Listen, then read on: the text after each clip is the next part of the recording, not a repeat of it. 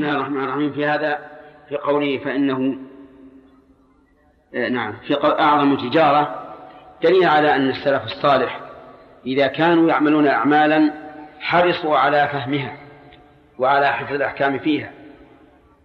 وقد مر علينا فيما سبق في قصة الكلب أنهم سألوا أبا هريرة رضي الله عنه لأنه كان صاحب صاحب زرع.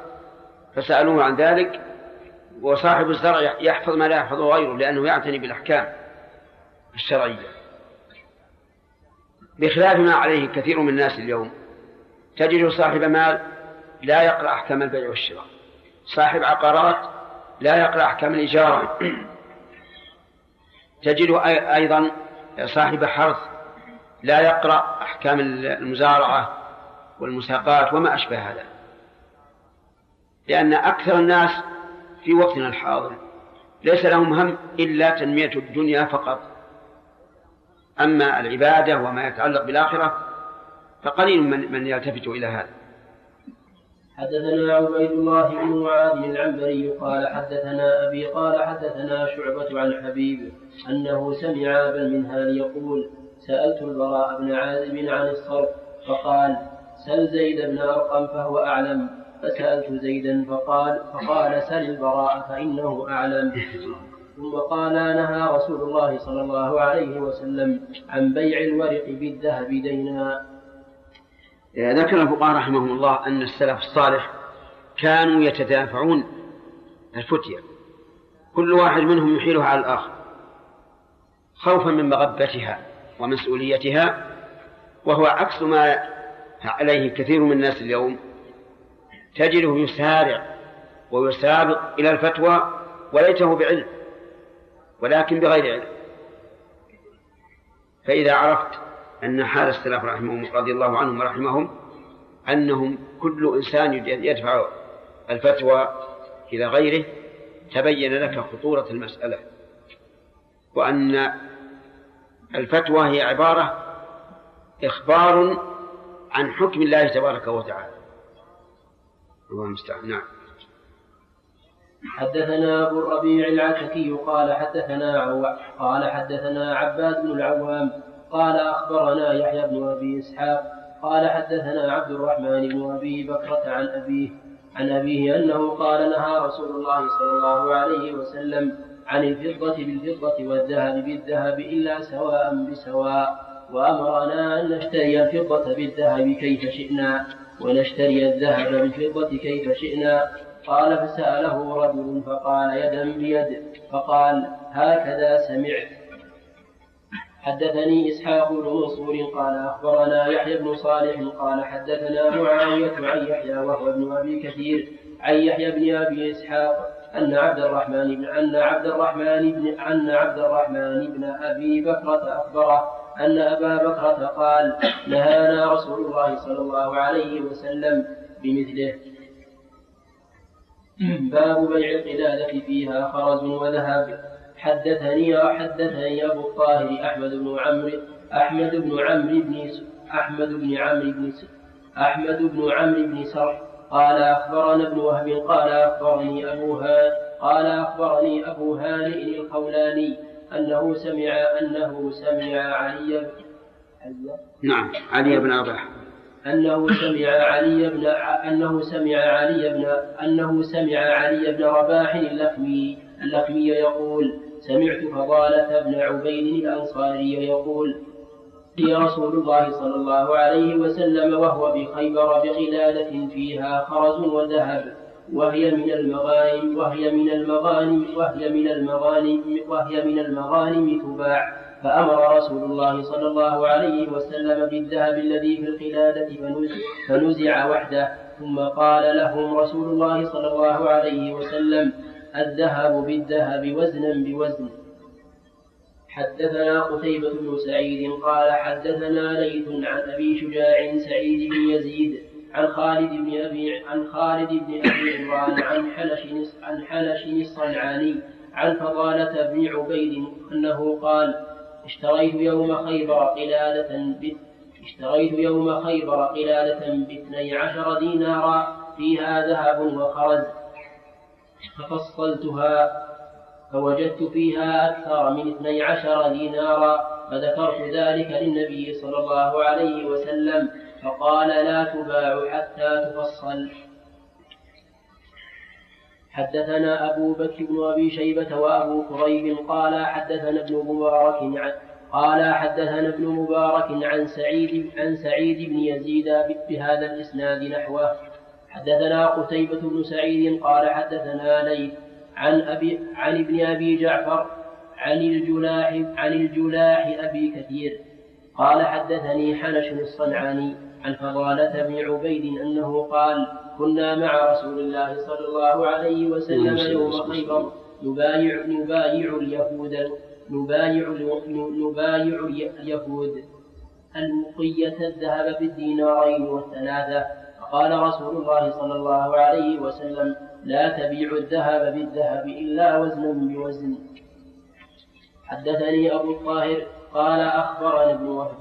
عن قرة بن عبد الرحمن المعافري وعمر بن وعمر بن الحارث وغيرهما أن عامر بن يحيى المعافري أخبرهم عن حنش أنه قال كنا مع فضالة بن كنا مع فضالة بن عبيد في غزوة كنا كنا كنا مع فضالة بن عبيد في غزوة فطارت لي ولأصحابي قلادة فيها ذهب وجوهر فأردت أن أشتريها فسألت فضالة بن عبيد فقال انزع ذهبها فاجعله في كفة واجعل ذهبك في كفة ثم لا تأخذن إلا مثلا بمثل فإني سمعت رسول الله صلى الله عليه وسلم يقول من كان يؤمن بالله واليوم الآخر فلا يأخذن إلا مثلا بمثل. هذا الحديث حديث فضالة بن عبيد بجميع الطرق التي ساقها مسلم رحمه الله.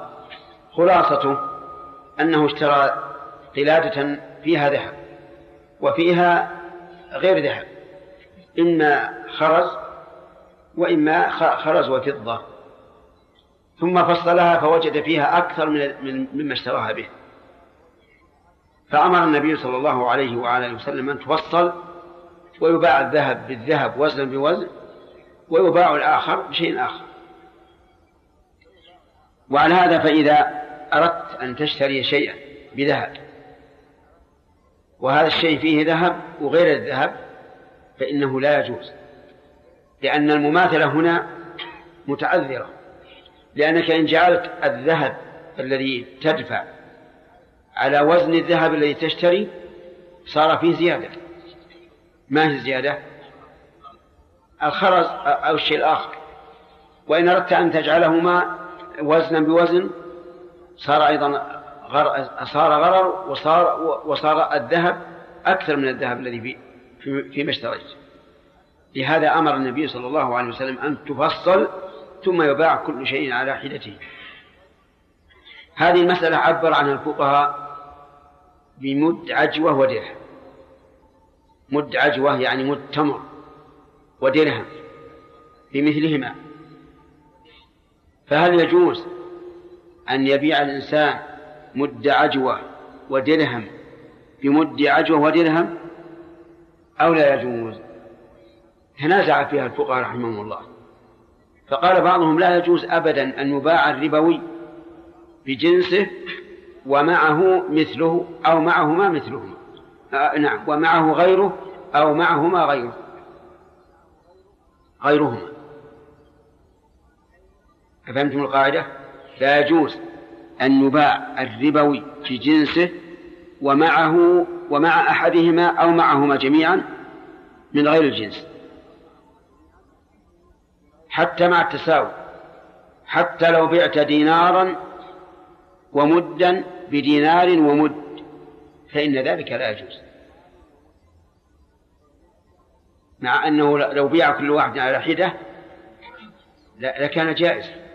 لكن لما اجتمعا اختلطا وصار كل جزء من الذهب لا ندري هل نضمه إلى كل نجعله في مقابل كل جزء من الذهب في الطرف الآخر أو جزء من هذا وجزء من هذا. المهم لا يرون أن هذا جائز. واختار شيخ الإسلام رحمه الله في هذه المسألة أنه إذا كان مع أحد الطرفين فقط من غير الجنس وكان الثاني الذي ليس إلا إلا جنسا واحدا زائدا على مقدار الذهب في الطرف الآخر. زيادة تقابل ما معه. فإن ذلك لا بأس به. واضح ولا غير واضح؟ غير واضح. طيب. مثقال من الذهب. مثقال من الذهب. بعت بثلاثة أرباع مثقال من الذهب وشيء من الطعام يساوي ربع المثقال فهمت من الصورة هذه ولا لا؟ يعني عندي مثقال من الذهب. بعته بثلاثة أرباع مثقال من الذهب لكن مع هذا الذهب الذي ثلاثة أرباع ما يقابل ربع المثقال فشيخ الإسلام يقول هذا جائز. لأن نجعل لأننا نجعل ثلاثة أرباع من الذهب في مقابل ثلاثة أرباع ونجعل الربع الزائد في مقابل الجنس الآخر. ولا محذور في هذا. وحديث فضال فضال بن عبيد لا يدل على أنه مع التساوي لا يجوز لأنه يقول فصلتها فصلتها فأجد فيها أكثر إيش؟ أكثر من 12 دينارا أكثر من القيمة. والتحريم واضح فيها. طيب. كذلك يقول رحمه الله لو كان مع كل واحد منهما من جنس آخر وهما سواء. يعني مثقال من الذهب ومدا من البر. بمثقال من الذهب ومد من الرز. ومد البر يساوي مد الرز. يقول فإن هذا إيش؟ جائز. فإن هذا جائز. لأنه لا محظور في ذلك. لأنه لو باعهما على الانفراد جاز. فإذا كان يجوز بيعهما على الانفراد فإن الجمع لا يؤثر شيئا. وما وما ذهب إليه الشيخ رحمه الله هو الصواب. بقي أن يقال لو كانت الزيادة في أحدهما زيادة صنعة زيادة صنعة فهل يجوز أن نجعل مع الآخر ما يقابل أجرة الصنعة أو لا يجوز؟ لننظر يعني اشتريت حليا زينته دينار لكنه مصنوع على وجه يصلح لللبس ويناسب العصر. بمثقال من الذهب والحلي آه، أقل من المثقال لكن صنعته ترفعه إلى أن يكون بثمن المثقال. فهل يجوز هذا أو لا يجوز؟ شيخ الإسلام رحمه الله وابن القيم وأظن غيره تبعهما أناس يقولون إن هذا جائز. ويجعل الزائد من الطرف الذي فيه زيادة في مقابل الصنع يتضح المثال. مثقال من الذهب يساوي مئة درهم. وحلي من الفضة يساوي وهو مثقال من الذهب لكن أقل من مثقال الذهب لكنه يساوي بصنعته مئة درهم. فلو نظرنا إلى الذهب بالذهب لوجدناه إيش؟ لا يجوز لأنه, لأنه ما ليس وزنا بوزن لكن الناقص ترفع قيمته الصنعة يقول هذا جائز. وكذلك يقول لو بعت مثقال من لو اشتريت حليا زنته مثقال من الذهب بمثقال من الذهب وأضفت إلى المثقال من الذهب قيمة الصنعة. يقول هذا جائز. طيب. لأنه لا شك أن الذي صنع سوف ترتفع قيمته بإيش؟ بالصناعة. ولا وهذا لا شك أن له وجهة نظر لكن قد يشكل عليه. أن النبي صلى الله عليه وسلم لما أتي بتمر جيد وأخبر بأنهم يأخذون هذا الجيد الصاع بالصاعين والصاعين بالثلاثة قال هذا عين الربا مع أن القيمة قيمة الصاع الجيد والصاعين الردي. نعم واحدة.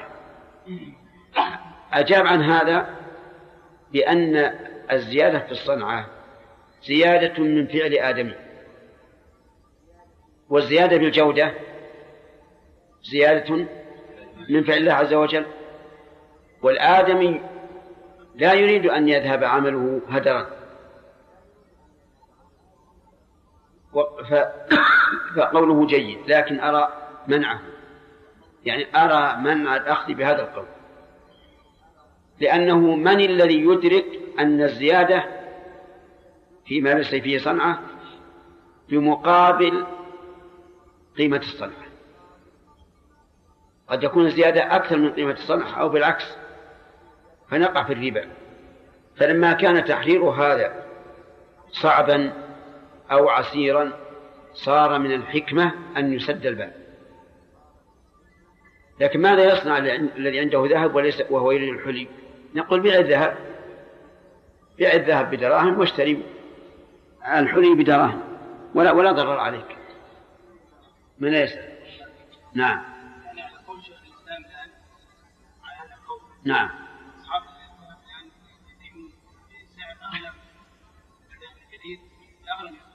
نعم.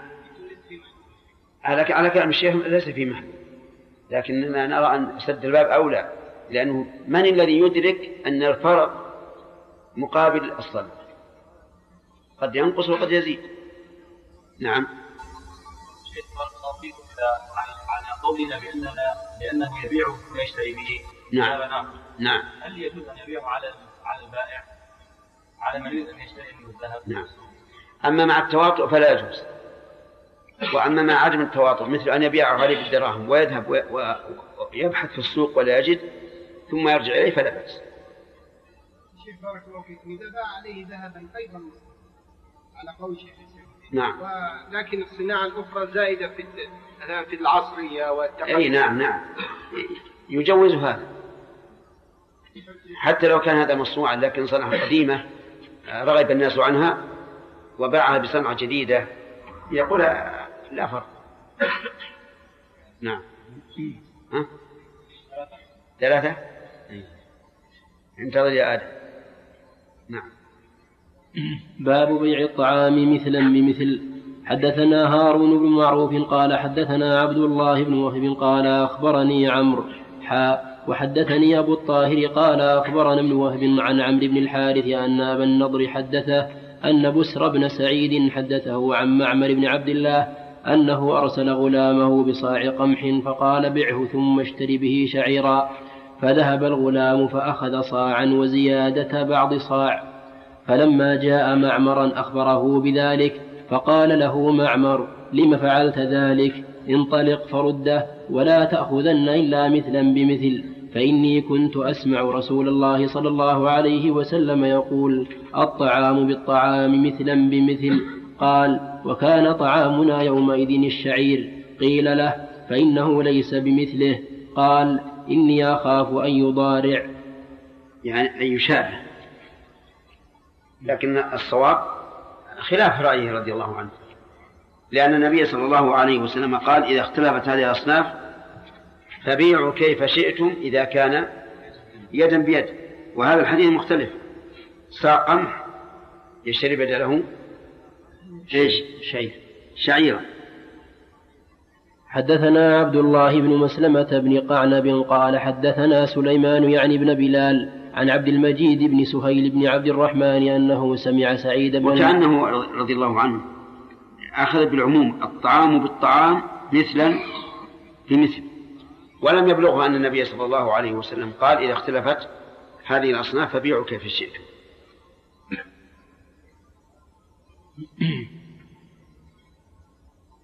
نعم. حدثنا عبد الله بن مسلمة بن قعنب قال حدثنا سليمان يعني بن بلال عن عبد المجيد بن سهيل بن عبد الرحمن أنه سمع سعيد بن المسيب يحدثه أن أبا هريرة وأبا سعيد حدثا أن رسول الله صلى الله عليه وسلم بعث أخا بني عدي الأنصاري فاستعمله على خيبر فقدم بتمر جنيب فقال له رسول الله صلى الله عليه وسلم أكل تمر خيبر هكذا؟ قال لا والله يا رسول الله إنا لنشتري إنا إنا إنا لنشتري الصاع بالصاعين من الجمع فقال رسول الله صلى الله عليه وسلم لا تفعلوا ولكن مثلا بمثل أو بيعوا هذا واشتروا بثمنه من هذا وكذلك الميزان. واضح. أيضا أنه لا عبرة بالجودة والرداءة فيما يجري فيه الربا. ولكن إذا كان الإنسان محتاجا إلى جيد وليس عنده إلا رجل فالطريق إلى ذلك أن يبيع الرديء ويأخذ الدراهم ويشتري بها طيبا. الجنيب نوع من التمر طيب. والجمع نوع من التمر ردي. وقيل إن الجمع أخلاط من التمر. يجمع بعضها إلى بعض وهذا أقرب إلى المعنى. وفي هذا الحديث استعمال الحيلة المباحة.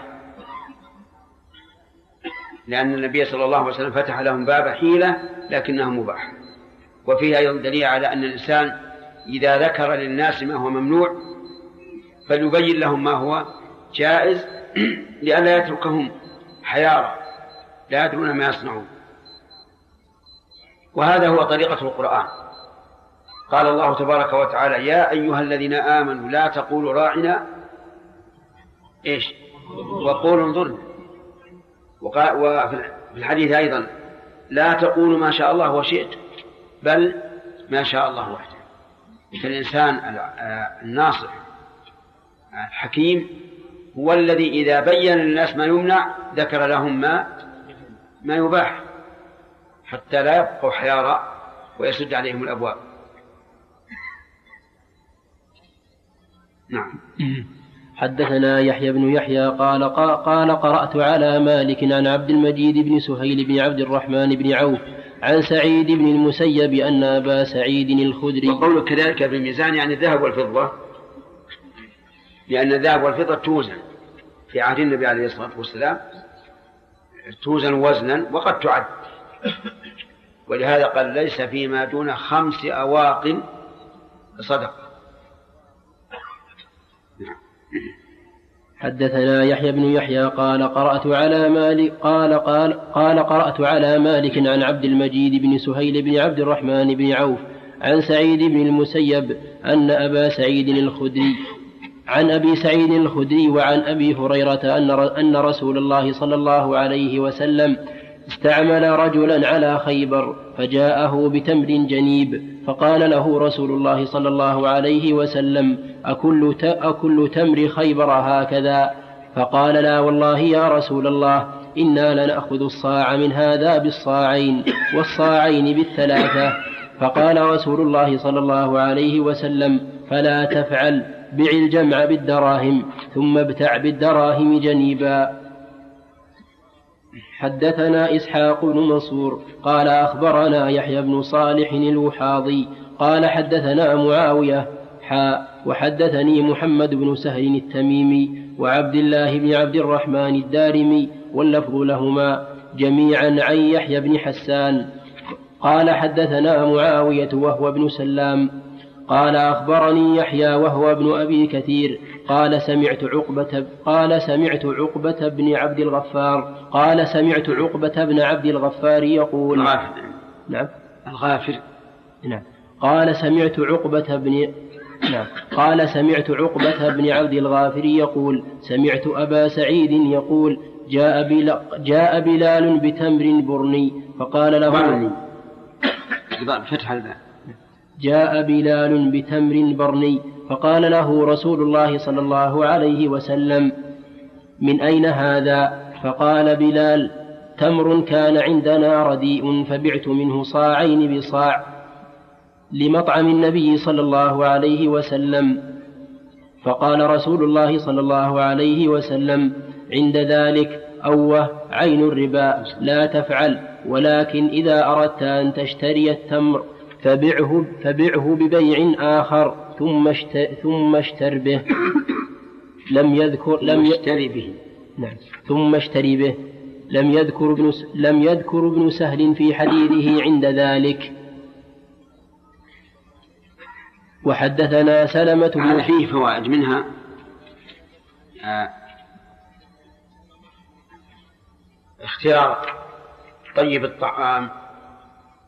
لا يلام عليه العبد ولا ينافي الورع ولا الزهد. ومنها أن آه، محبة الصحابة للنبي صلى الله عليه وعلى آله وسلم وأنهم يختارون له ما هو أطعم وأطيب ومنها ما سبق أن فتح الحيلة المباحة حتى لا يقع الإنسان في المحرم ويستفاد من من السياقين السابقين أن النبي صلى الله عليه وعلى آله وسلم لا يعلم الغيب لأنه سأل أكل تمر خيبر هكذا؟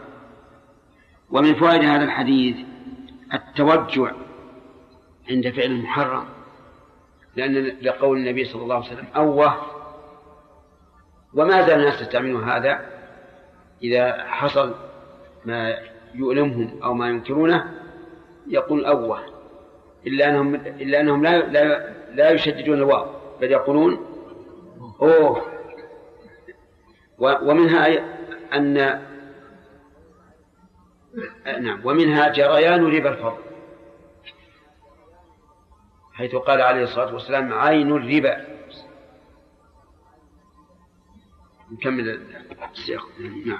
وحدثنا سلمة بن شبيب قال حدثنا الحسن بن أعين قال حدثنا معقل عن أبي قزعة الباهلي عن أبي نضرة عن أبي سعيد أنه قال أتي رسول الله صلى الله عليه وسلم بتمر فقال ما هذا التمر من تمرنا؟ فقال الرجل يا رسول الله بعنا, تم بعنا تمرنا صاعين بصاع من هذا. فقال رسول الله صلى الله عليه وسلم هذا الربا فردوه ثم بيعوه ثم بيعوا تمرنا واشتروا لنا من هذا. هذا فيه أيضا على أن ما وقع على وجه فاسد فإنه يجب رده. لقوله صلى الله عليه وسلم ردوه. فبين الرسول صلى الله عليه وسلم أن هذا عين الربا ونهى عن الفعل وأمر بالرد. كل هذا للتحذير من الربا بأي وجه من الوجود حدثني إسحاق بن منصور قال حدثنا عبيد الله بن موسى عن شيبان عن يحيى عن أبي سلمة عن أبي سعيد أنه قال كنا نرزق تمر الجمع على عهد رسول الله صلى الله عليه وسلم وهو الخلط من التمر فكنا نبيع صاع فكنا نبيع صاعين بصاع فبلغ ذلك رسول الله صلى الله عليه وسلم فقال لا فقال فقال, فقال لا صاع لا صاعي تمر. فقال لا صاعي تمر بصاع ولا صاعي حنطة بصاع ولا درهم بدرهمين. حدثني عمرو الناقد قال حدثنا إسماعيل بن إبراهيم عن سعيد الجريري عن أبي نضرة أنه قال سألت ابن عباس عن الصرف فقال يدا بيد. قلت نعم. قال فلا بأس به. فأخبرت أبا سعيد فقلت إني سألت ابن عباس عن الصرف فقال فقال أيدا بيد. قلت نعم. قال فلا بأس به. قال قال أو قال ذلك إنا أو قال. أو قال. قال أو قال ذلك إنا سنكتب إليه فلا يفتيكموه قال فوالله لقد جاء بعض فتيان رسول الله صلى الله عليه وسلم بتمر فأنكره. فقال كأن هذا ليس من تمر أرضنا. قال قال قال كان في تمر أرضنا أو في تمرنا العام بعض الشيء. فأخذت هذا وزدت بعض الزيادة.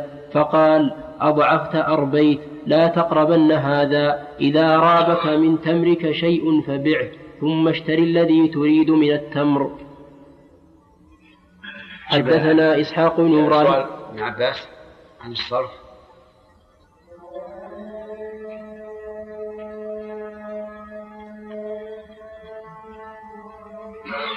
الله أكبر.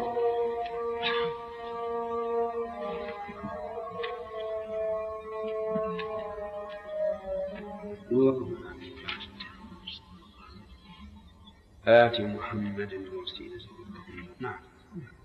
قوله قال النووي رحمه الله تعالى قوله سألت ابن عباس عن الصرف فقال أيدا بيد؟ قلت نعم. قال لا بأس به. وفي يمين الذي الذي صف الصلاة القبل يمين وفي رواية سألت ابن عمر وابن عباس عن الصرف فلم يريا به بأسا. قال فسألت أبا سعيد الخدري فقال ما زاد فهو ربا فأنكرت ذلك لقولهما. فذكر أبو سعيد حديث نهي النبي صلى الله عليه وسلم عن بيع صاعين بصاع. أعد سألت ابن عباس الصرف. قوله سألت ابن عباس عن الصرف فقال أيدا بيد؟ قلت نعم. قال لا بأس به. وفي رواية سألت ابن عمر وابن عباس عن الصرف فلم يريا به بأسا. قال فسألت أبا سعيد فقال ما زاد فهو ربا فأنكرت ذلك لقولهما. فذكر أبو سعيد حديث نهي, نهي النبي صلى الله عليه وسلم. فأنكرت ذلك يعني لأنهما قال لا بأس. هذا معنى قول قولهم نعم. فذكر أبو سعيد حديث نهي النبي صلى الله عليه وسلم عن بيع صاعين بصاع. وذكرت رجوع ابن عمر وابن عباس وذكرت وذكرت أو ذكرت يعني أنه نعم. وذكرت رجوع ابن ابن عمر وابن عباس عن إباحته إلى منعه. وفي الحديث الذي بعده أن ابن عباس قال حدثني أسامة أن النبي صلى الله عليه وسلم قال الربا في النسيئة. وفي رواية إنما الربا في النسيئة. وفي رواية لا ربا فيما كان يدا بيد. معنى ما ذكره أولا عن ابن عمر وابن عباس أنهما كانا يعتقدان أنه لا ربا فيما كان يدا بيد وأنه يجوز بيع درهم بدرهمين ودينار ودينارا بدينارين دينار ودينار بدينارين وصاع وصاع تمر بصاعين من التمر وكذا الحنطة وكذا الحنطة وسائر الربويات كانا يريان جواز بيع الجنس بعضه ببعض متفاضلا. وأن الربا لا يحرم في شيء من الأشياء إلا إذا كان نسيئة. وهذا معنى قوله أنه سألهما عن الصرف فلم يريا به بأسا يعني الصرف متفاضلا فدرهم بدرهمين وكان معتمدهما. حديث أسامة بن وكان معتمده وكان معتمدهما حديث أسامة حديث أسامة بن زيد إنما الربا في النسيئة. ثم رجع ابن عمر وابن عباس عن ذلك وقالا بتحريم بيع الجنس بعضه ببعض متفاضلا حين بلغهما حديث أبي سعيد. كما ذكره مسلم كما ذكره مسلم من رجوعهما صريحا. وهذه الأحاديث التي ذكرها مسلم تدل على أن ابن عمر وابن عباس لم يكن بلغهما حديث النهي عن التفاضل في غير النسيئة فلما بلغهما رجعا إليه. وأما حديث أسامة لا ربا إلا في النسيئة. فقد قال قائلون بأنه منسوخ بهذه الأحاديث. وقد أجمع المسلمون على ترك العمل بظاهره. وهذا يدل على نسخه وهذا يدل على نسخه. وتأوله آخرون تأويلات تأويلات. أحدها أنه محمول على غير الربويات وهو كبيع الدين بالدين مؤجلا بأن يكون له عند عنده ثوب موصوف فيبيعه بعبد موصوف مؤجلا فإن باعه به حالا جاز. الثاني أنه محمول على الأجناس المختلفة فإنه لا ربا فيها من حيث من حيث التفاضل بل يجوز تفاضلها يدا بيد. الثالث أنه مجمل وحديث عبا وحديث عبادة بن الصامت وأبي سعيد الخدري وغيرهما مبين. فوجب العمل بالمبين وتنزيل المجمل عليه. هذا جواب الشافعي رحمه الله. خلاص؟ في جواب المقيم على حديث أسامة أن المراد إنما الربا يعني الربا الأشد والأعظم هو ربا النسيئة. وهو الذي كان يتعامل به أهل الجاهلية. وأما ربا الفضل فإنما حرم لأنه وسيلة إلى ربا النسيئة ولذلك جاز من ربا الفضل ما دعت إليه الحاجة كمسألة العرايا لما كان تحريمه تحريم الذرائع جاز ما دعت جاز منه ما دعت الحاجة إليه.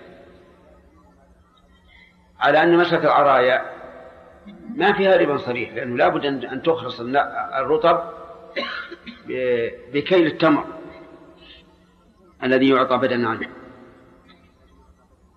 على كل حال كأن أبا سعيد رضي الله عنه فهم من إجازة عبد الله بن عباس الصرف فهم منها العموم. يعني يجوز الصرف سواء زاد أو نقص. فلهذا أنكره وقال سلفته إليه في ذلك. وفيه دليل في هذا الحديث دليل على أن السلف الصالح رضي الله عنهم يتكاتبون في المسائل التي يختلفون فيها والتي فيها نص يفصل بين المختلفين. وهذا هو الواجب أن أهل العلم إذا حصل من أحدهم خطأ أن أن يتكاتبوا لا أن لا أن يشهروا هذا الخطأ ويشيعوه بين الناس لأن هذا يفرح الأعداء ويحسن الأولياء. ولكن يكتب إليه ويبين له والمؤمن لا بد أن يرجع الحق. وعلى آله وصحابته أجمعين.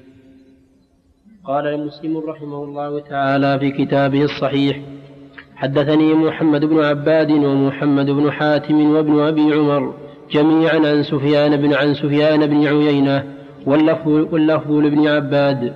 قال حدثنا سفيان عن عمرو عن أبي صالح أنه قال سمعت أبا سعيد الخدري يقول الدينار بالدينار والدرهم بالدرهم مثلا بمثل من زاد أو ازداد فقد أربى. فقلت له إن ابن عباس يقول غير هذا. فقال لقد لقيت ابن عباس. فقلت أرأيت هذا الذي تقول شيء سمعته من رسول؟ هذا الذي. نعم.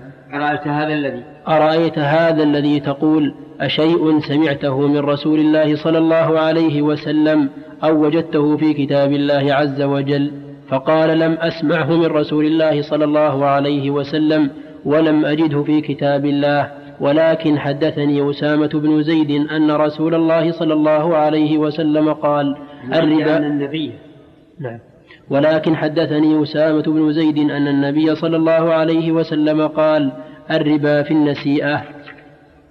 حدثني أبو بكر بن أبي شيبة وعن يعني إلى إلى أن المبتدأ إذا كان معرفة فإنه يفيد الحصر. ولذلك قال أهل البلاغة إذا عرف طرف الجملة المبتدأ والخبر كان ذلك دليلا على الحصر. على أن بعض ألفاظ الحديث إنما الربا في النسيئة. نعم.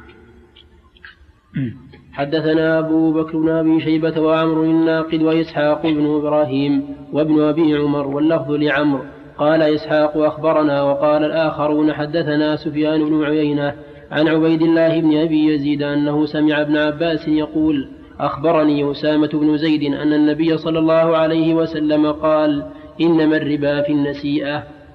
حدثنا زهير بن حرب قال حدثنا عفان حا وحدثني محمد بن حاتم قال حدثنا بهز قال حدثنا وهيب قال حدثنا ابن طاووس عن أبيه عن ابن عباس عن أسامة بن عن أسامة بن زيد أن رسول الله صلى الله عليه وسلم قال لا ربا فيما كان يدا بيد. حدثنا الحكم بن حدثنا الحكم بن موسى قال حدثنا هقل عن الأوزاعي أنه قال حدثني عطاء بن أبي رباح أن أبا سعيد أن أبا سعيد الخدري لقي ابن عباس فقال له أرأيت قولك في الصرف؟ أشيئا سمعته من رسول الله صلى الله عليه وسلم أم شيئا وجدته في كتاب الله عز وجل؟ فقال ابن عباس كلا لا أقول كلا لا أقول. أما أما رسول الله صلى الله عليه وسلم فأنتم أعلم به. وأما كتاب الله فلا أعلمه ولكن حدثني أسامة بن زيد ولكن حدثني أسامة بن زيد أن رسول الله صلى الله عليه وسلم قال ألا إنما الربا في النسيئة؟ في هذا الحديث دليل على اعتراف الصحابة رضي الله عنهم بالفضل لأهله حيث قال لأبي سعيد أما رسول الله صلى الله عليه وسلم فأنتم أعلم به لأن ابن عباس رضي الله عنهما من صغار الصحابة وأبو سعيد من كبارهم فقال إنكم أعلم به. وهكذا يجب على الإنسان أن يعترف بالفضل لأهله.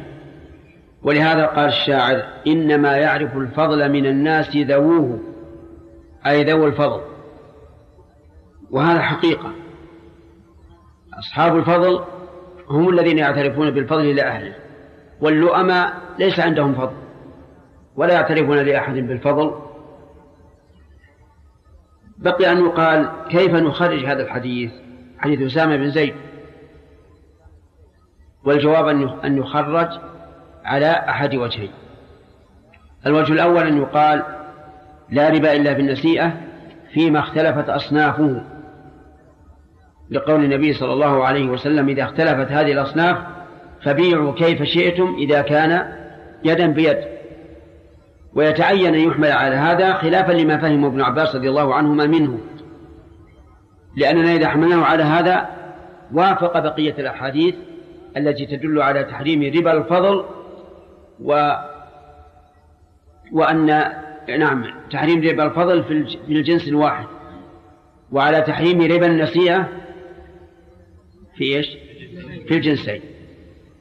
الوجه الثاني أن المراد لا ربا أي الربا الكامل الذي من أجله حرم ربا الفضل إلا في النسيئة. لكن الوجه الأول أقرب إلى الصواب. وما أكثر الأحاديث التي كانت عامة ثم خصصت. فنقول لا ربا إلا في النسيئة فيما إذا كان إيش؟ إي نعم. من من صنفين. واذا وأما إذا كان من صنف واحد فالأحاديث ظاهرة بانه يحرم ربا الفضل وربا النسيئه وبناء على ذلك إذا باعت إذا باع ذهبا بفضه فما الذي يجري من الربا؟ يا فراس. باع ربا آه، باع ذهبا بفضه ما الذي يجري فيه؟ ما في ربا. النسيئة فقط. يعني فيجوز أن يبيع مثقالا من الذهب بمثقالين من الفضة. لكن لا بد من التقابل وإذا باع شعيرا ببر يحيى هذا يحرم فيه النسيئة فقط. وأما التفاضل فلا بأس. بارك الله فيك. نعم. باب لعن آكل الربا وموكله. حدثنا عثمان بن أبي شيبة وإسحاق بن إبراهيم واللفظ واللفظ لعثمان. قال إسحاق أخبرنا وقال عثمان حدثنا جرير عن مغيرة. قال سأل شباك إبراهيم فحدثنا فحدثنا عن علقمة عن عبد الله أنه قال لعن رسول الله صلى الله عليه وسلم آكل الربا وموكله. قال قلت وكاتبه وشاهديه. قال إنما نحدث بما سمعنا. حدثنا محمد بن الصباح وزهير بن حرب وعثمان بن أبي شيبة. قالوا حدثنا هشيم قال أخبرنا أبو الزبير عن جابر. قال لعن رسول الله صلى الله عليه وسلم آكل الربا وموكله وكاتبه وشاهديه. وقال هم سواء. الحديث الحديث الأول حديث ابن مسعود لم يحدث إلا بما سمع وهو أن النبي صلى الله عليه وعلى آله وسلم لعن آكل الربا وموكله.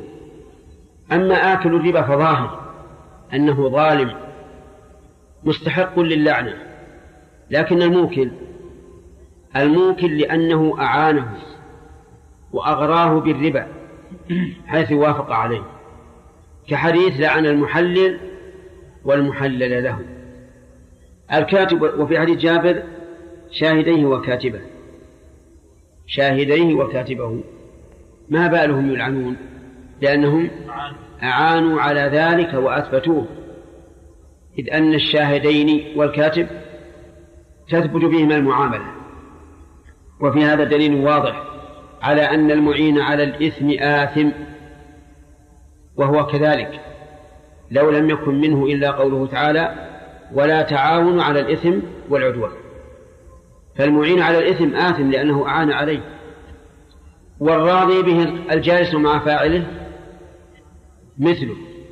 لقوله تعالى وقد نزل عليكم في الكتاب أن إذا سمعتم آيات الله يكفر بها ويستهزأ بها فلا تقعدوا معهم حتى يأخذوا في حديث غيره. إنكم إذا مثلهم. وقال وإما ينسينك الشيطان فلا تقعد بعد الذكرى مع القوم الظالمين. وكذلك إن جهلت فلا تقعد بعد العلم مع القوم الظالمين. لأن الإنسان قد ينسى أن هذا محرم فيجلس ثم يذكر. ماذا نقول له؟ يجب أن تقوم. إن بقيت بعد الذكرى فأنت ظالم. كذلك أيضا الإنسان يجهل. مثلا دعي إلى وليمة فحضر. وإذا في الوليمة منكرات. لا يجوز بعد العلم أن أن يبقى فإن بقي شاركهم في الإثم. وليس الناس يأخذون بهذه النصوص أن المعين على الإثم آثم وأنه مساو له لقوله صلى الله عليه وسلم هم سواء. فإن قال قائل ما هي اللعنة قلنا اللعنة هي الطرد والإبعاد عن رحمة الله. وقد جاء من الوعيد على الربا ما لم يأتي في ذنب غيره إلا الشرك. حتى إن الله قال فإن لم تفعلوا فأذنوا بحرب من الله ورسوله. أعلنوا الحرب على الله ورسوله فهو من أشد المحرمات والعياذ بالله. ولهذا جعله النبي صلى الله عليه وسلم من الموبقات. قال اجتنبوا السبع الموبقات وذكر منها الربا. نعم. باب أخذ الحلال وترك الشبهات. حدثنا محمد بن عبد الله بن نمير الحمداني قال حدثنا أبي قال حدثنا زكريا عن الشعبي عن النعمان بن بشير أنه قال سمعته يقول سمعت رسول الله صلى الله عليه وسلم يقول وأهوى النعمان بإصبعيه إلى أذنيه. إن الحلال بين وإن أهوى بها أذنيه. ليحقق أنه سمع. كأنما قال سمعت بأذنيه نعم. إن الحلال بين وإن الحرام بين وبينهما مشتبهات لا يعلمهن كثير من الناس. فمن اتقى الشبهات استبرأ لدينه وعرضه ومن وقع في الشبهات وقع في الحرام كالراعي يرعى حول الحمى يوشك أن يرتع فيه. ألا وإن لكل ملك حمى ألا وإن حمى الله محارمه. ألا وإن في الجسد مضغة إذا صلحت صلح الجسد كله وإذا فسدت فسد فسد الجسد كله ألا وهي القلب. هذا حديث عظيم في وهو حديث عظيم أصل في الوراء. قسم النبي صلى الله عليه وسلم الأشياء إلى ثلاثة أقسام. حلال بين وحرام بين. وهذا حكمه واضح. الحلال بين حلال والحرام بين حرام. ما في إشكال. بينهن أمور مشتبهات. تشتبه هل هي من الحلال أو من الحرام. لا يعلمهن إلا لا يعلمهن كثير من الناس. وهم الجهال مطلقا وأنصاف العلم. لأن البلاء كل البلاء من أنصاف العلم. إذ أن الجاهل المطلق يعرف نفسه ولا يتصدر لفتية ولا لتعليم والعالم الذي بلغ مرتبة العلم حقيقة يعلم بقينا في أنصاف العلم هم البلاء. قال شيخ الإسلام رحمه الله في كتابه الفتوى الحموية يقال إنما يفسد الدنيا أربعة الدنيا كلها يفسد أربعة نصف متكلم ونصف فقيه. ونصف طبيب ونصف نحوي أربعة. الأول نصف متكلم الثاني نصف فقيه والثالث نصف طبيب والرابع نصف نحو. نصف المتكلم يفسد الأديان ويشير إلى المعتزلة والأشعرية وأمثالهم ممن أثبتوا العقائد بالكلام. الكلام الذي حقيقة منطبق تماما على عقيدتهم أنها كلام في كلام. ولهذا ما لا تجد أكثر من كلام أهل الكلام ولا أقل من بركته والعياذ بالله. بل هو ممحوق البركة وثابت الخسارة. طيب هذا المتكلم يفسد إيش؟ الأديان لأن الدين مركب على العقيدة. إذا فسدت العقيدة فسد الدين. نصف فقيه يفسد البلدان. لأن نصف الفقيه يفتي. يقول هذا حلال وهذا حرام ثم تختلط الدنيا. لا سيما إن تولى القضاء فأحل مال هذا لهذا وأحرم على الإنسان ماله. الثالث نصف فقيه نصف طبيب. هذا يفسد الأبدان. نصف الطبيب يفسد الأبدان. تجي لأمهم يحلل ويلمس ويزين ويكشف. ولا انتهى؟ قال فيك بلاء نعم. ثم راح يعطيك دواء ضد الذي يراد. فيفسد؟ فيفسد الأبدان. قيل لأحد المتطببين إن إن هذا الرجل كان فيه فتح. يعني أن أنه إيش يسمونه؟ فتح بعد. فهل تعرف؟ أن تداويه؟ قال نعم. أنا أعرف أن أشقه ولكن ما أعرف أن أخيطه يعني ما نبي شقق البطون ويخلي الناس يموتون. الرابع من؟ نحوي. نص. هذا يفسد اللسان. أي لسان؟ اللسان العربي. لأنه نصف نحو ما يعرف النحو تماما. ثم يرفع المنصوب ويجر المفهوم. يريد بذلك تقويم اللسان وهو في الحقيقة مفسد للسان. فالمهم أن الرسول عليه الصلاة والسلام في هذا الحديث حديث النعمان بين أن الأمور تنقسم إلى ثلاثة أقسام.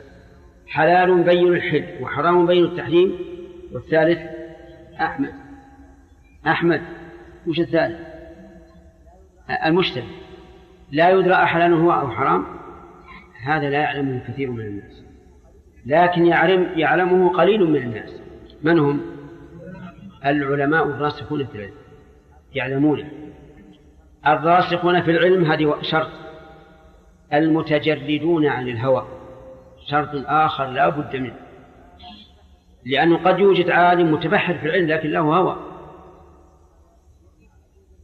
هذا يعمى عليه والعياذ بالله.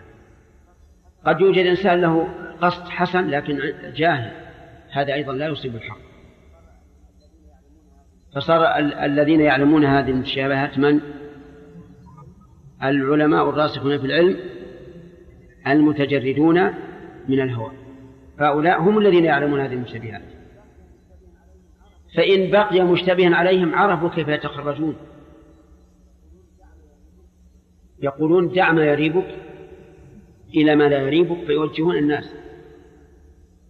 ثم ذكر الرسول عليه الصلاة والسلام قاعدة مهمة جدا وهي من اتقى الشبهات فقد استبرأ لدينه لأنه صار يدين الله على بصيرة.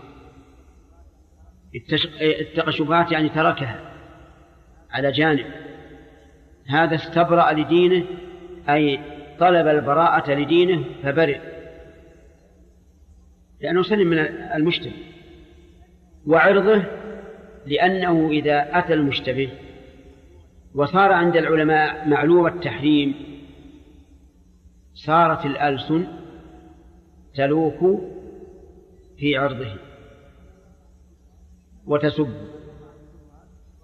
ومن وقع في الشبهات وقع في الحرام. يعني من لم يترك الشبهات وتجرأ مع الاشتباه فإنه يقع في الحرام. هل المعنى أن وقوعه في الشبهات وقوع في الحرام؟ أو المعنى أن الشبهات تجره إلى الحرام الصريح؟ الثاني هو الأظهر. أنه يأتي المشتبهات شيئا فشيئا ثم تجره نفسه إلى أن يفعل المحرمات بلا اشتباه. هذا هو الظاهر. وليس المعنى أن الوقوع في المشتبهات حرام فمن وقع في الشبهات وقع في الحرام. وإن كان اللفظ يحتمله لكن المعنى الأول والله أعلم أدق. ثم ضرب النبي صلى الله عليه وسلم مثلا يدرك بالحس لأن الأمثال هي تشبيه المعقول بالمحسوس. إذ أن المحسوس يعرفه كل إنسان. ذكي وغير ذكي والمعقول لا يعرفه إلا الذكي اسمعني يا سمير؟ إيش قلنا؟ من هو؟ المعقول لا يعرفه إلا الذكي لكن المحسوس كل يعرفه. قال كالراعي يرعى حول الحمى نكمل بعد الأذان إن شاء الله. الله ضرب مثلا عليه الصلاة والسلام في من وقع في الشبهات. بالراعي راعي الغنم. يرعى حول الحمى يعني حول ما حماه الإمام عن الرعي والعادة أن المحمية يكون إيش؟ أكثر عشبا وأخصب فإذا قام الراعي يرعى حوله فالبهائم سوف إيش؟ سوف تدخل الحمى. لأنها تريد المرعى الطيب. فمن قرب حول الحمى أوشك أن يدخل الحمى. وما هو الحمى؟ الحمى هو المكان الذي يحميه الإمام. أن لا يرعى فيه أحد. وقد سبق أن هذا جائز بشروط. أن يكون شرف أن يكون حمايته للناس عموما. نعم. كمل ها؟ أن يحميه يحميه الإمام خاصة. هذا هو الأول. نعم لا يكون فيه ضرر على المسلمين وقوله عليه الصلاة والسلام ألا وإن لكل ملك حمى. ليس هذا إقرارا لكل حمى يحميه الملك. لكن المعنى أن أن أن من المتوقع أن كل ملك من ملوك الدنيا يكون له حمى. مكان مكان يحميه لا يعرف ألا وإن حمى الله محارم سبحانه وتعالى. الله تعالى حمى عباده عن المحارم. الزنا الخمر السرقة القتل. هذه هذا حمى الله. لأن الله قال لا تقربوها. أبعدوا عنها. هذه هذا حمى الله عز وجل. ولهذا يأتي القرآن معبرا عن ذلك في قوله تلك حدود الله فلا تقربوها. ألا وإن في الجسد مضغة؟ إذا صلح صلح الجسد كله وإذا فسدت فسد الجسد كله. الجسد ليس مضغة أكبر من المضغة أليس كذلك؟ أكبر؟ أكبر بكثير ولا بقليل؟ كثير طيب. فيه مضغة يعني قطعة من اللحم بمقدار ما ينضغه الإنسان. وهذا كناية عن كون كناية عن كونها صغيرة. لكن مع ذلك هي التي تدبر الجسد. إذا صلحت صلح الجسد كله. اللهم أصلح قلوبنا.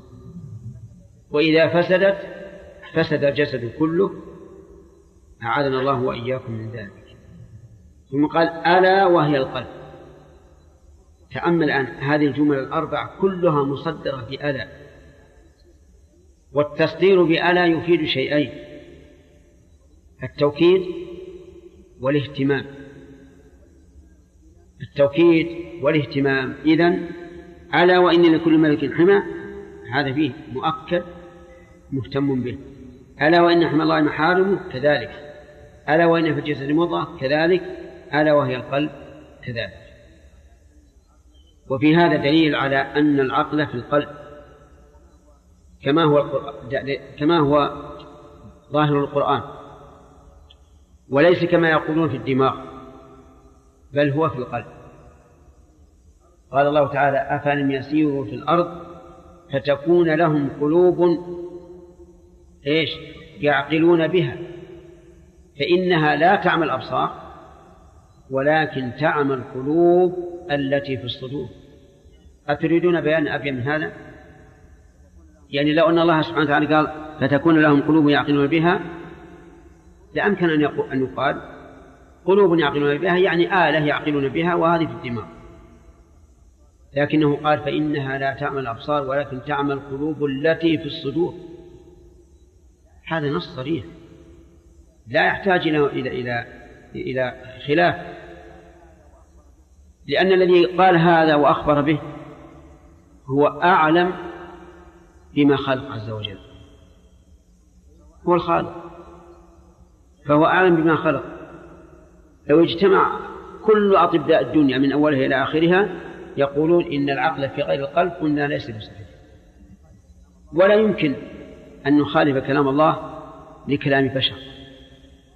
لأن الله هو الخالق وهو العالم وهو الصادق فيما يقول عز وجل. فماذا نقول بعد هذا؟ فإذا قال قائل كيف يمكن هذا مع أنه إذا اختل العقل إذا اختل الدماغ اختل العقل؟ أليس كذلك؟ فلا ما في إشكال. نقول لا مانع من أن يكون أصل العقل في القلب الذي في الصدر وله اتصال في الرأس. لا مانع من هذا. كما أن أصل الفتيلة موجود في مكانه والشعلة خارج. إذا طفئت الشعلة فلا, فلا, فلا, فلا ضياء. وإذا سحبت الفتيلة فلا شعلة. فأصل القلب فأصل العقل في القلب. لكن له اتصال بالدماغ وإنك لتعجب أن تقع هذه الكلمة من الإمام أحمد رحمه الله. الإمام أحمد قال العقل في القلب وله اتصال بالدماغ هذه عبارة. يعني لو اجتمع الأطباء كلهم على أن يأتوا بمثل هذه العبارة الواضحة المختصرة ما استطاعوا إلى هذا سبيل. لكن الله سبحانه وتعالى يهب من يشاء من خلقه أن يوفقه لكلمات جامعة واضحة مختصرة. طيب. اللهم أصلح قلوبنا يا رب العالمين. اللهم أصلح قلوبنا. اللهم أصلح قلوبنا. نعم. والله ما ما أدري يا أخي محمد. يعرف الإنسان إذا مات ولذلك تجد بعض الناس يفتي نفسه بشيء ويفتي غيره بشيء. هو يفتي قريبه بشيء ويفتي الآخر بشيء. يعني يجد مسوغ يعني لنفسه. وهذا تجدونه كثيرا الآن. أليس في القرآن آيات واضحات ويفسرها بعض العلماء الذين هم علماء حقيقة بما, بما يخالف ظاهرها اتباعا لأهوائهم ولذلك تجدهم يحرفون الكلم وهم يقولون إننا نؤول وهو تحريف وليس بتأويل. الإنسان يعرف هذا من نفسه. ولذلك يجب علينا أننا دائما نجعل مقصودنا هو حقيقة الأشياء المحكوم بها لا المحكوم له. إذا رأينا المحكوم له ربما يكون هناك هوى. لكن عاد الأسباب التي بها يختلف الحكم لا بد من اعتبارها. قد أفتي هذا بشيء وأفتي هذا بشيء آخر وظاهر القضية واحدة لكن اختلفت بحسب المحكوم له إيه. يعني يقول آه، يشكل علينا أن بعض أحيانا القلوب تغير. القلوب تغير. لكن أنت تظن أن القلب هذا الجديد أنه يبقى على قلب صاحبه الأول؟ ما ما يبقى. لأن القلب له آه، الدم له اتصالات فيه ورودا وصدورا. والدم هذا يعني هو مجال الشيطان كما قال الرسول عليه الصلاة والسلام إن الشيطان يجري من آدم مجرى الدم. فيتغذى القلب الجديد الذي الذي ركب من من من بدن كافر يتغذى بهذه الدماء التي كانت طاهرة نظيفة. فيكون نظيفا ولذلك لو ركبنا قلب مسلم على كافر. يصير مسلم؟ ما يصير مسلم. التعامل مع البنوك الربوية إذا كان على وجه مباح كما لو صرفت من البنك دراهم فئة مئة دراهم بئة عشر ما في شيء. بيع ومشترى ما في إشكال. ولهذا عامل النبي صلى الله عليه وسلم اليهود مع أنهم كانوا السحت أخذون الربا. نعم إذا علمت أننا إذا تعاملنا معه ازداد تمكنه. واغتر به من يغتر من الناس فحينئذ لا أعامل يقول الرسول عليه الصلاة والسلام قال الحال بين الحال بين والحرام بين. أي إذا اشتبهت علينا لا تشتبه على غيره الأنبياء والمرسلين نبينا محمد وعلى آله وأصحابه أجمعين. أما بعد فقد قال الإمام مسلم رحمه الله تعالى كتاب المساق في باب أخذ الحلال وترك الشبهات. وحدثنا أبو بكر بن أبي شيبة قال حدثنا وكيع حا. وحدثنا إسحاق بن إبراهيم قال أخبرنا عيسى بن يونس قال حدثنا زكريا بهذا الإسناد مثله. وحدثنا إسحاق بن إبراهيم قال أنا جرير عن مطرف وأبي فروة وأبي فروة الهمد الهمداني. حا وحدثنا قتيبة بن سعيد. قال حدثنا يعقوب يعني ابن عبد الرحمن القاري. عن ابن عجلان عن عبد الرحمن بن سعيد. كلهم عن الشعبي عن النعمان بن بشير عن النبي صلى الله عليه وسلم بهذا الحديث. غير أن حديث زكريا آتم من حديثهم وأكثر. حدثنا عبد الملك بن شعيب ابن حدثنا عبد الملك بن شعيب بن الليث بن سعد قال حدثني أبي عن جدي قال حدثني خالد بن يزيد قال حدثني سعيد بن أبي هلال عن عون بن عبد الله عن عامر الشعبي أنه سمع نعمان بن بشير ابن بشير بن سعد صاحب رسول الله صلى الله عليه وسلم وهو يخطب بحمص وهو يقول سمعت رسول صلى الله عليه وسلم يقول الحلال بين والحرام بين فذكر ب... فذكر بميث زكريا عن الشعبي إلى قوله يوشك أن يقع فيه باب بيع باب بيع البعير واستثناء ركوبه. حدثنا محمد بن عبد الله بن نمير. قال حدثنا أبي قال حدثنا قال حدثنا زكرياء عن عامر. قال حدثني جابر بن عبد الله أنه كان يسير على جمل له قد أعيا فأراد أن يسيبه قال فلحقني النبي صلى الله عليه وسلم فدعا لي وضربه فسار سيرا لم يسر مثله. قال بعنيه بعنيه بعنيه بوقية قلت لا. ثم قال بعنيه فبعته بوقية واستثنيت عليه حملانه إلى أهلي. فلما بلغت أتيته بالجمل فنقدني ثمنه ثم رجعت فأرسل في أثري فقال أتراني ما كستك لآخذ جملك؟ خذ جملك ودراهمك فهو لك. هذا الحديث فيه شروط شرط المنفعة يشترطها البائع على المشتري هل تجوز أو لا؟ مثل أن يبيع عليه بيته ويشترط سكناه لمدة سنة أو شهر أو نحو ذلك. أو يبيع السيارة ويشترط عليه أن يسافر بها إلى مكة أو المدينة أو ما أشبه ذلك. آه، أو يبيع ويستثني آه، حملانه إلى موضع معين. وهذا الحديث فيه فوائد منها أن النبي صلى الله عليه وعلى آله وسلم كان من عادته أن يسير في مؤخر الركب تواضعا منه صلى الله عليه وعلى آله وسلم وتفقدا لأحوال أصحابه حتى إذا تأخر أحد منهم أو أصابه حاجة إذا النبي صلى الله عليه وعلى آله وسلم عنده. يؤخذ هذا من قوله فلحقني النبي صلى الله عليه وسلم ومن فوائد الحديث أنه إذا لم يمكن الانتفاع بالمال فلا بأس أن يسيبه الإنسان. بقول جابر فأردت أن أسيبه.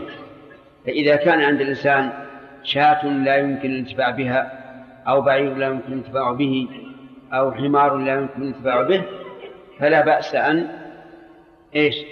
أن يسيبه أن يدعه. ولا يأثم بذلك ولكن إذا قال إن سيبته مات من الجوع ميتة مؤلمة. فهل يجوز أن أقتله حالا؟ نقول في هذا التفصيل. إن كانت الأرض خصبة يمكن أن يعيش فيها فليدع ولا حرج عليه. وإن لم تكن كذلك فلا شك أن قتله فورا أريح له. وقد قال النبي صلى الله عليه وعلى آله وسلم إذا قتلتم فأحسنوا القتلة ومن فوائد هذا الحديث أنه ينبغي للإنسان إذا رأى في أخيه أن يدعو له. رأيت أخاك أصيب بمصيبة أو فقيرا أو ما أشبه ذلك ادعو الله له. لأن النبي صلى الله عليه وعلى آله وسلم دعا لمن؟ لجابر حين رأى جمله قد انقطع. ومن فوائد هذا الحديث آه هذه الآية العظيمة لرسول الله صلى الله عليه وعلى آله وسلم وهي أن الرسول صلى الله عليه وسلم ضرب الجمل وسار سيرا لم يسر مثله. ومن فوائد الحديث جواز ضرب الدابة عند الحاجة إليه ولكن يضربها في موضع لا يكون فيه ضرر عليها فلا يضربها على العين ولا على الوجه يضربها على الفخذ على الضلوع على الظهر وما أشبه ذلك. تؤخذ من صالح؟ من ضرب النبي صلى الله عليه وعلى آله وسلم لجمل جابر. ومن فوائد هذا الحديث جواز مبايعة الإمام لرعيته. يعني يجوز أن يعقد معهم عقد بيع وشراء. ولا يعد هذا دناء ولا مبايعة العالم للعامة. يشتري منهم ويبيع عليهم ولا حرج في هذا. أبو بكر رضي الله عنه لما بوع بالخلافة نزل إلى السوق يبيع ويشتري. حتى قالوا له يا أمير يا خليفة رسول الله بيتك ونجعل لك رزقا من بيت المال. لكن إذا كان الأمر الوقت قد اختلف. وكان شراء العالم الكبير أو شراء الأمير أو ما أشبه ذلك يعد نقصا. فهل نقول إن الإنسان ينبغي أن آه، يقي نفسه ما ينتقصه الناس به؟ الجواب نعم. لماذا؟ لأن هذا ليس عبادة. لو كان عبادة قلنا لا تبالي بالناس لكن هذا شيء يرجع إلى العادة. فإذا كان من عادة الناس أن الكبراء من الأمراء والعلماء لا يباشرون البيع والشراء فلا حرج عليه أن لا يبيع ولا يشتري ولا سيما القاضي فالذي ينبغي للقاضي أن لا يدخل الشرك لماذا؟ لأن الناس ربما يحابونه في شرائهم منه أو بيعهم عليه لأنه قاضي وربما يحتاجون إليه في يوم من الأيام. ومن فوائد هذا الحديث جواز قول الإنسان لمن هو أشرف منه لا. لا. الدليل أن جابرا قال لما قال له الرسول صلى الله عليه وعلى آله وسلم بعني قال لا. قال لا. ولا شك أن أشرف الخلق من بني آدم هو رسول الله صلى الله عليه وعلى آله وسلم. ومع ذلك قال له جابر لا. لكن جرت العادة عندنا أننا إذا خاطبنا من نكرمه لا نقول لا. أحيانا نقول سلامك وأحيانا نقول مالك لوى فهل نقول إن هذا عدول عن السنة؟ وأن الإنسان ينبغي أن يكون صريحا يقول لا ولا نعم.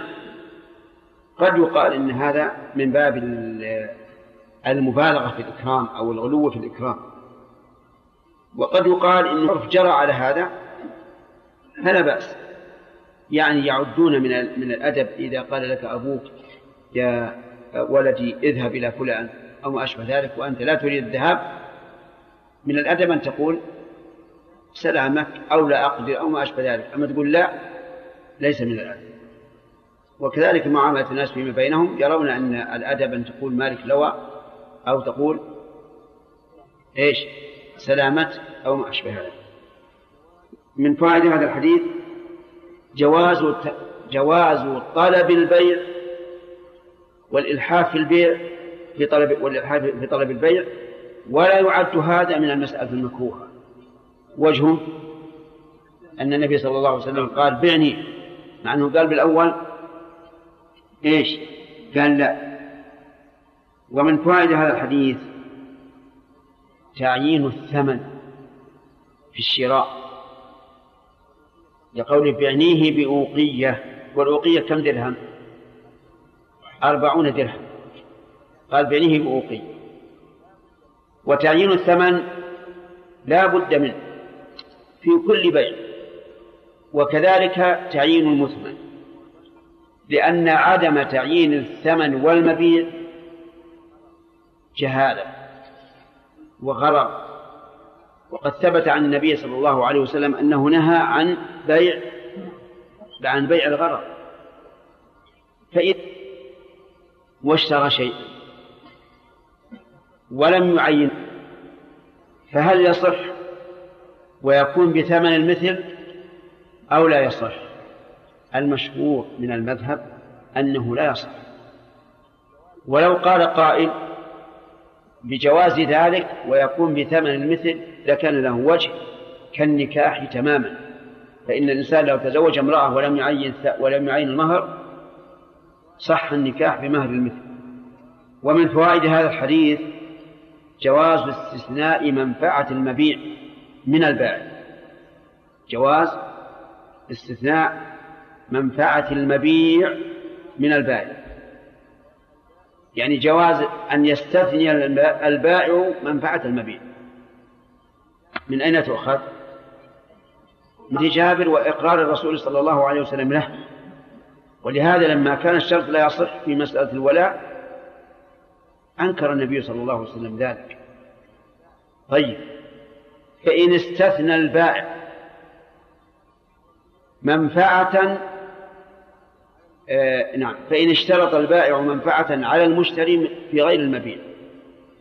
قال بعتك هذا بألف ريال بشرط أن أسكن بيتك لمدة أسبوع. أيجوز أو لا يجوز؟ يقول الفقهاء إنه لا يجوز. لأن هذا عقد جمع بين بيع وإيجار. لأنه إذا كنت أريد أن أسكن البيت بيتك صار صار سكناه جزءا من الثمن فيكون جمع بين بيع وإجارة والجمع والإجارة جمع بين عقدين وبين عقدين محرم. ولكن القول الصحيح أنه جائز يجوز الجمع بين البيع والإيجار. وأي دليل يمنع؟ الأصل في الشروط والعقود. الأصل فيها إيش؟ الحل حتى يقوم المنع وهنا لا لا دليل على المنع المسألة لا تتضمن ربا ولا تتضمن جهالة ولا تتضمن ظلما. من فوائد الحديث أنه لا بد أن تكون المنفعة معلومة لقوله إلى أهلي وأهله مكانه معلوم ولا غير معلوم؟ أين هو؟ في المدينة. فلا بد أن تكون المنفعة معلومة لأنها لو لم تكن معلومة عاد الأمر إلى إلى الجهالة وبيع الجهالة غرض. وقد ثبت عن النبي صلى الله عليه وسلم أنه نهى عن بيع الغرر. التعيين يكون بالمكان. مثل يقول أستثني عليك منفعته إلى بلدي. وهو معلوم. ويكون بالزمان بأن يقول أستثني عليك منفعته لمدة شهر أو أسبوع وكلاهما جائز. ما دام ما دام الأمر معلوما بالزمان أو بالمكان فهو جائز. طيب فإن قال أستثني عليك المنفعة حتى أشتري بيتا. أيجوز هذا الشرط أو لا؟ لا يجوز. لماذا؟ لأنه مشهور. لا ندري متى يشتري البيت. لا ندري هل يتيسر له أن يشتريه أو لا. وإذا تيسر هل يشتريه أو لا يشتريه. فيكون استثناء هذا الاستثناء أو هذا الشرط آه، مجهولا ويدخل في بيع الغرض. ومن فوائد هذا الحديث جواز الشراء في الذمة. جواز الشراء في الذمة يعني بدون تعيين الثمن بعينه. هذه ورقة تجدون أصغر منها في الدنيا. الله المستعان. واللي فيها الجو بارد تحت المراوح. جواز الشراء بالدين. لكن هذا متى؟ عند الحاجة. عند الحاجة. هذا إن كان النبي صلى الله عليه وسلم آه، أراد أراد الشراء حقيقة. لأنه قال في آخر الحديث أتراني ما كستك لآخذ جمال لكن قد ثبت عن النبي عليه الصلاة والسلام من غير وجه في حديث آخر أنه طلب الشراء واشترى أيضا إلى أجل. فقد مات صلى الله عليه وعلى آله وسلم ودرعه مرهونة عند يهودي بطعام اشتراه لأهله. ومن فوائد هذا الحديث آه، حكمة النبي صلى الله عليه وعلى آله وسلم. نعم قبل من فوائد هذا الحديث جواز المماكسة. المماكسة ما هي؟ هي محاولة نقص الثمن. هذه المماكسة يعني مثلا طلبت كتابا فقال لك البائع هذا بعشرة فقلت لا أعطنيه بثمانية. قال لا. أعطني بثمانية قال لا. بتسعة قال لا. هذا جائز. ولا يعد دناءة ولا يعد من سؤال المال. لأن المال الذي أريد أن أبذله الآن له عوض. فالمحاطة هذه يعني مماكسة لا بأس بها لأن النبي صلى الله عليه وسلم فعلها بنفسه.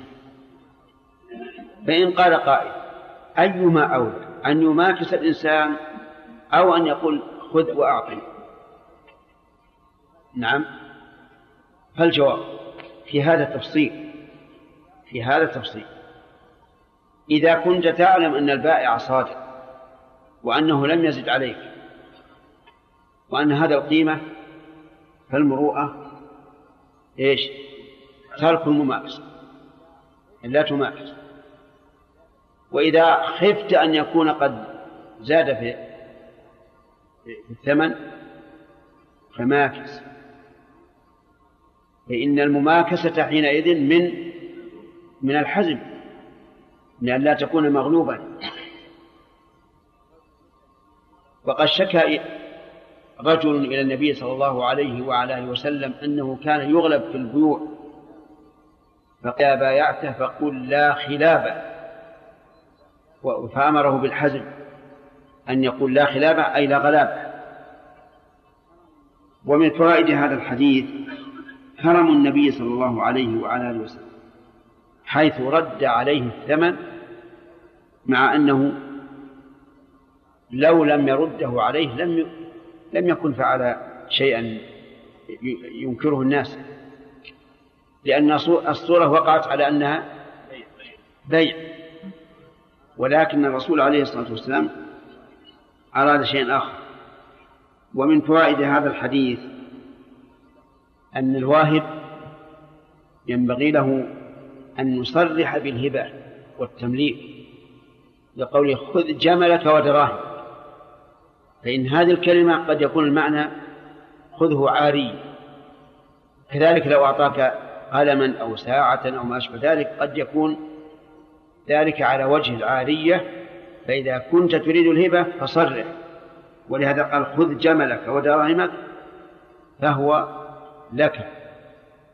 ومن فوائد هذا الحديث أن الهبة لا يشترط لقبولها اللفظ وأن الموهوب له إذا أعطاه الواهب الهبة وأخذها لا يحتاج أن يقول قبلت.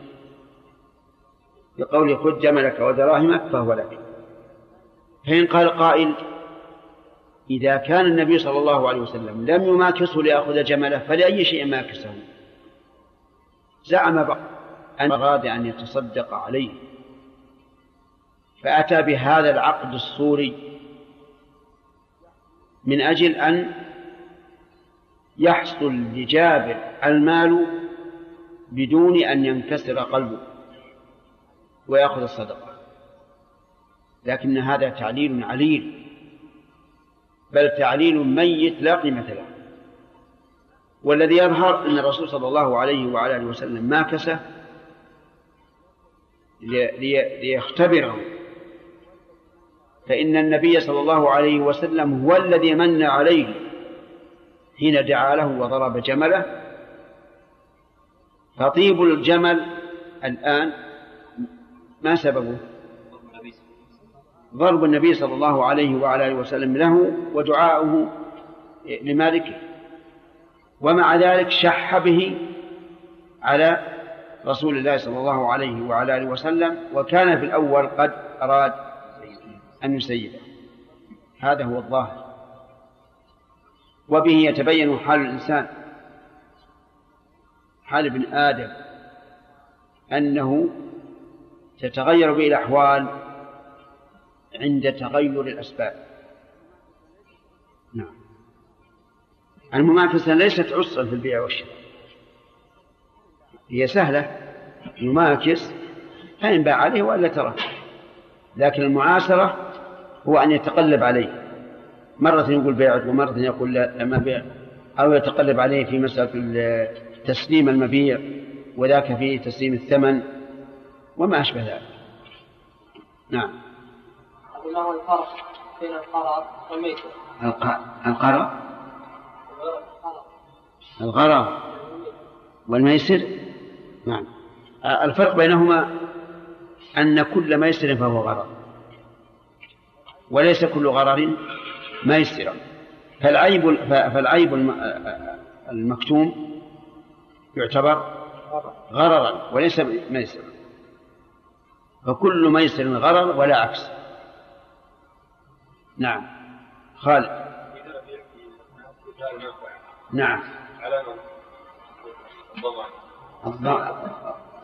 ضمان العين على المستثني إذا تعدى أو فرط وإذا لم تعد. فرط فضمان العين على المشتري. إي نعم ما في شك إنه لكن هل يضمن المنفعة بقية المنفعة؟ عن المشتري أو لا يضمن؟ نقول لا يضمن. لا يضمن بقية المنفعة لأنه إنما ملكه من جهته. نعم. يرى جمعة. إذا إذا استعمل مثل هذا الجمال في أعمال عامة مثل اللي في الجيش. وهذا الجمل أو قال له شيء فتلف هل له أن يأخذ من الجمال العامة؟ من اللي يأخذ؟ صاحب الجمل جمال خاص له مثل سيارة راح له في ما خلق على الجمل إيه؟ الجمل لا بأس به اركب ولا ولا يضر. في ثلج ها؟ هل له أن يأخذ يعني هو استثنى استثنى الجمل.